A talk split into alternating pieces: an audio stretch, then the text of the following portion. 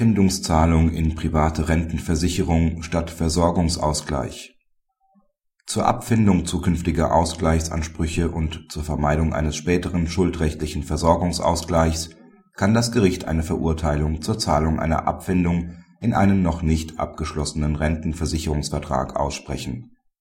Es genügt, wenn der Vertrag zum Zeitpunkt einer möglichen Vollstreckung vorliegt. Die Beteiligten streiten um die Durchführung des schuldrechtlichen Versorgungsausgleichs.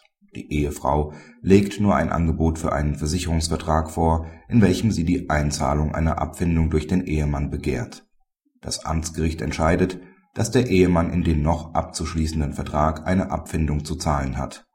Das OLG verweist die Sache auf die Beschwerde des Ehemanns an das Amtsgericht zurück.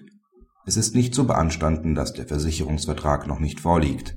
Es genügt, wenn dieser zum Zeitpunkt der möglichen Vollstreckung besteht.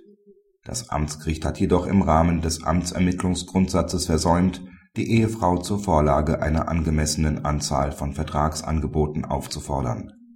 Es muss beurteilen ob die Ehefrau eine kostengünstige Versicherung mit hoher Effektivität ausgewählt hat. Zudem hat das Amtsgericht festzustellen, ob dem Ehemann gemäß § 1587 Absatz 1 BGB alte Fassung die Abfindungszahlung nach seinen wirtschaftlichen Verhältnissen zumutbar ist. Dies ist ebenfalls unterblieben.